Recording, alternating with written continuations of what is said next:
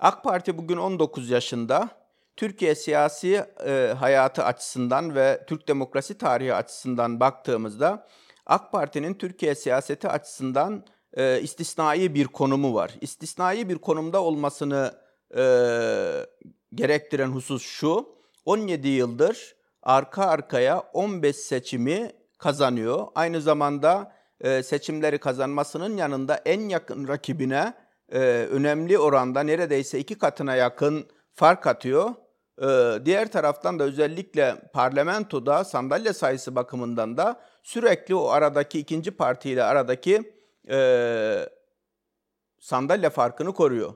Dolayısıyla bu açılardan baktığımızda yani 17 yıldır iktidarda olan bir partinin 2023'te 21 yıldır iktidarda olmasını dikkate aldığımızda AK Parti'nin e, bir hakim parti olarak yani demokratik sistemlerde görülen hakim parti sınıfına e, koymamız, dahil etmemiz gerekir.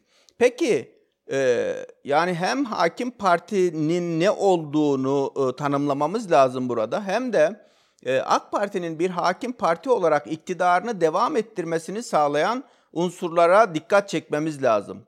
Şurası kesin, hakim partiler hemen hemen işte 10 yıllık, 20 yıllık dönemlerde ve daha fazla sürelerde iktidarda kalabilen ve bu iktidarda kalırken sadece niceliksel açıdan değil, niteliksel bazı e, genelleştirebile, genelleştirilebilecek e, özelliklere de sahip olan partilerdir.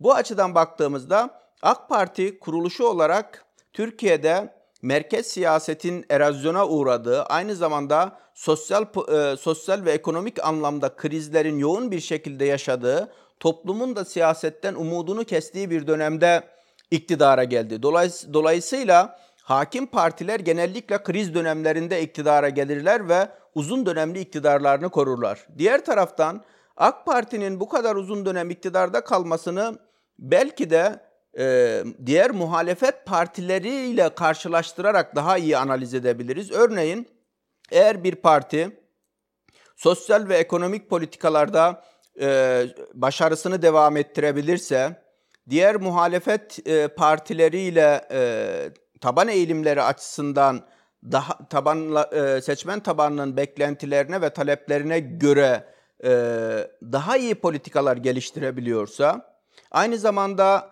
farklı çıkar gruplarını uzlaştırabiliyorsa iktidarını uzun dönemli devam ettirebilir. Yine baktığımızda bunu AK Parti özelinde de söyleyebiliriz. Ee, bu uzun dönemli iktidar yolculuğunda kendi elit dönüşümü ve değişimini yapabilen, dış politikada uluslararası sistemi etkileyebilecek bir düzeyde dış politika seçenekleri ortaya koyabilen ve e, kendi iktidarını sürdürdüğü e, ana damar sosyolojinin talep ve beklentilerine göre siyasetini dönüştürebilen, sadece siyaseti dönüştürmekle, kendi siyasetini dönüştürmekle kalmayıp, siyasetin ana kurucu oyun kurallarını da belirleyen partiler aslında e, bu tip e, dönemlerde uzun dönemli e, iktidarlarını sürdürebiliyorlar. Dolayısıyla AK Parti'nin bu 19 yıllık ömrünü ve 17 yıllık iktidar süresini dikkate aldığımızda dünyadaki hakim partilerin göstermiş olduğu davranış modellerinin daha fazlasını gösterdiğini söylememiz lazım. Ve e, AK Parti'nin belki dünyadaki örneğin e, hakim partiler literatüründe İsveç'te Sosyal Demokrat Parti, Japonya'da Liberal Parti, Hindistan'da Kongre gibi partiler de benzer şekilde hakim partiler çok uzun dönemli iktidarlarını sürdürdüklerini biliyoruz.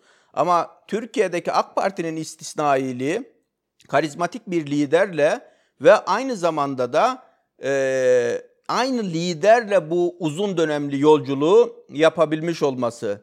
E, dolayısıyla son söz olarak şunu söylememiz lazım. Bugünlerde özellikle muhalefet partileri AK Parti'nin 2023'e yönelik olarak e, ömrünü tamamla, tamamlayacağına yönelik olarak belirli e, varsayımlarda bulunuyorlar. Aslında bugünden geriye baktığımızda e, özellikle 2002 seçimlerinden itibaren muhalefetin sürekli olarak e, AK Parti'nin e, ömrüne e, ya da iktidar süresine ömür biçtiklerini söylememiz lazım. Bu Türkiye'deki e, bir e, siyasal partiler literatürünün ya da e, Türk demokrasi tarihinin genelleştirilebilecek bir özelliğidir. 14 Mayıs 1950'de Demokrat Parti iktidara geldiğinde muhalefette kalan Cumhuriyet Halk Partisi o dönemde ya da e, muhalefet çevreleri Demokrat Parti'nin kazara iktidara geldiğini söylüyorlardı ve ilk seçimlerde seçmenin bu hatasını düzelteceğine yönelik bir beklenti içerisindeydiler.